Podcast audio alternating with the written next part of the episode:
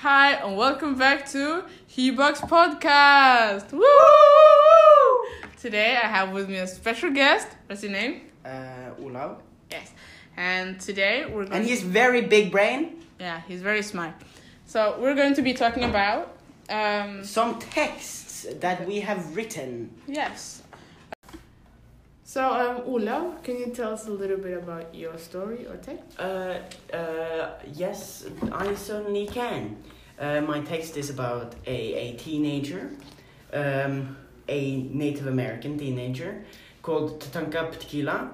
Um, he he is a Native American. He lives in a, a reservation, like so many other Native Americans uh, do, and uh, he also goes to a modern public school uh, in uh, America because he's a Native American. Yeah. Um, he, he do, is doing good in school, and he is uh, a high school quarterbacker. Uh, but he ain't doing so well financially because uh, people don't want to employ Native Americans. Does he have any dreams? Um, he probably does, but I haven't written jack shit about it in the text. Okay. So where did you say he was from? Uh, South Dakota. Um, Olav, I can see that you have a dict. No. um, Olav, I can see that you wrote a poem. Uh, can you read it out loud for us? Uh, I can read it out loud for all of uh, you, uh, singular person in this room. Um, it goes as follows The safety of a prison filled with his kin, or the uncertainty of a world where he doesn't fit in. He has more options if he leaves the reservation, but he forfeits the help of his Sioux nation. In this new world, he can be a new man, but in this new world, he has no helping hand. He lives in a prison so decrepit, but it's a prison with an open exit. That's uh, uh, really that, deep. that's that's the poem. So, um, what got you into writing the poem? What, I have no idea, not a singular clue. But you should consider a poem career because that was yeah, very you, deep you know, and you know the, the poem career, the fa- the famous poem career where you do nothing but write poems for for life, yeah. uh, and you earn money thuswards. I have a feeling that is not the thing you can do. I. but how about your text then? Um. So, uh, okay. So I wrote the story of Anahera. Anahera is a small little girl, fifteen year old from New Zealand, and she is part of the Maori tribe. Um, Anahera lives is an orphan that is living with her grandmother and five other siblings in a small three bedroom house.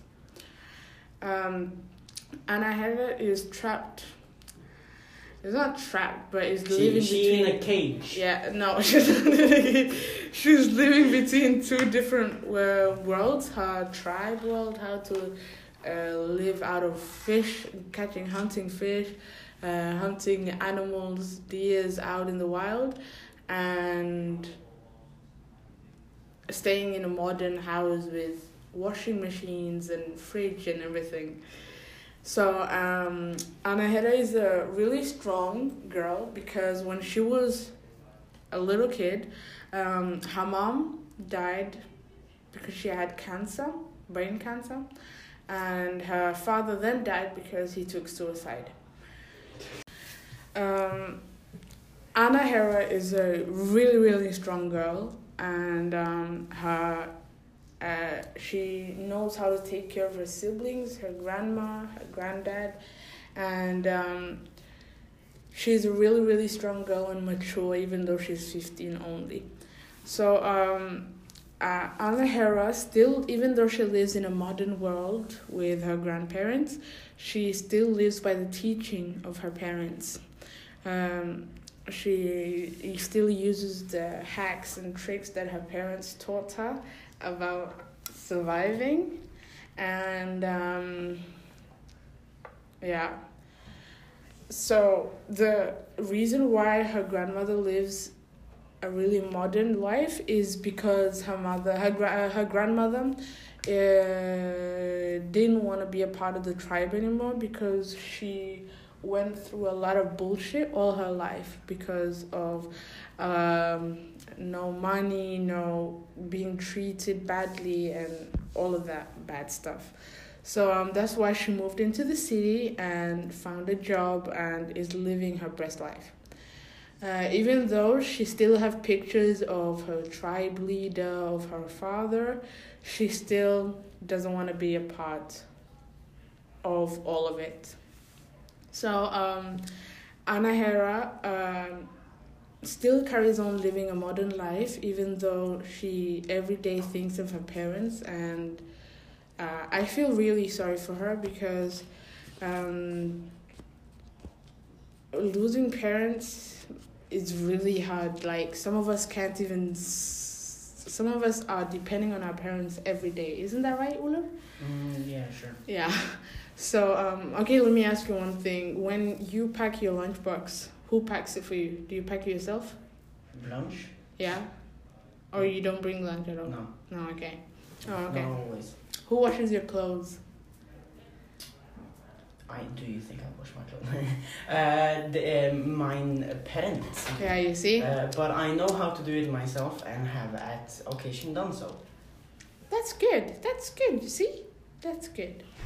So, like, um, imagine being living in a tribe, living with no money at all, having to survive by yourself because your dad is an alcoholic and um, and you have no money and you you don't have anything. That must be really really hard. And then later on, losing your dad again. She's a she is a strong and humble girl. So, um, what do you think? Uh, would you like to live in like a a tribe, or would you carry on living this modern life? Um, it would be fun to spear a rabbit to eat lunch, but it's also quite fun to have a PC. So you know, um, little torn there uh, uh, between sparing animals and using PCs. So that's the only reason why. Yeah, yeah. How about how about you? Um, it would have been a little bit cool living in a tribe, but I wouldn't want to live in a tribe that is really treated badly by the. So you wouldn't want to live in the tribe? I would. There saying? are many tribes that are treated good. Yes. Should I give you an example? yes. The Maasai people. They're treated good in their Yeah. own country. True, because they have diamonds. okay, yeah. yeah. Wow, they're treating good. They, they have diamonds. So yeah, I would I would wanna try and live that tribe life, but I wouldn't live this leave this modern world. It's it's too sweet.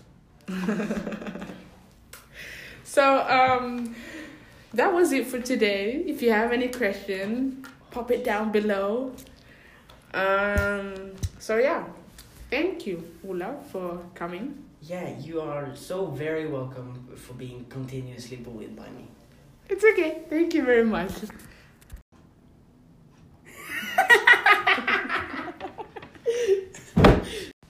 Hi, and welcome back to Hebugs Podcast. Fuck uh, that. Oh, Hi, and welcome back to.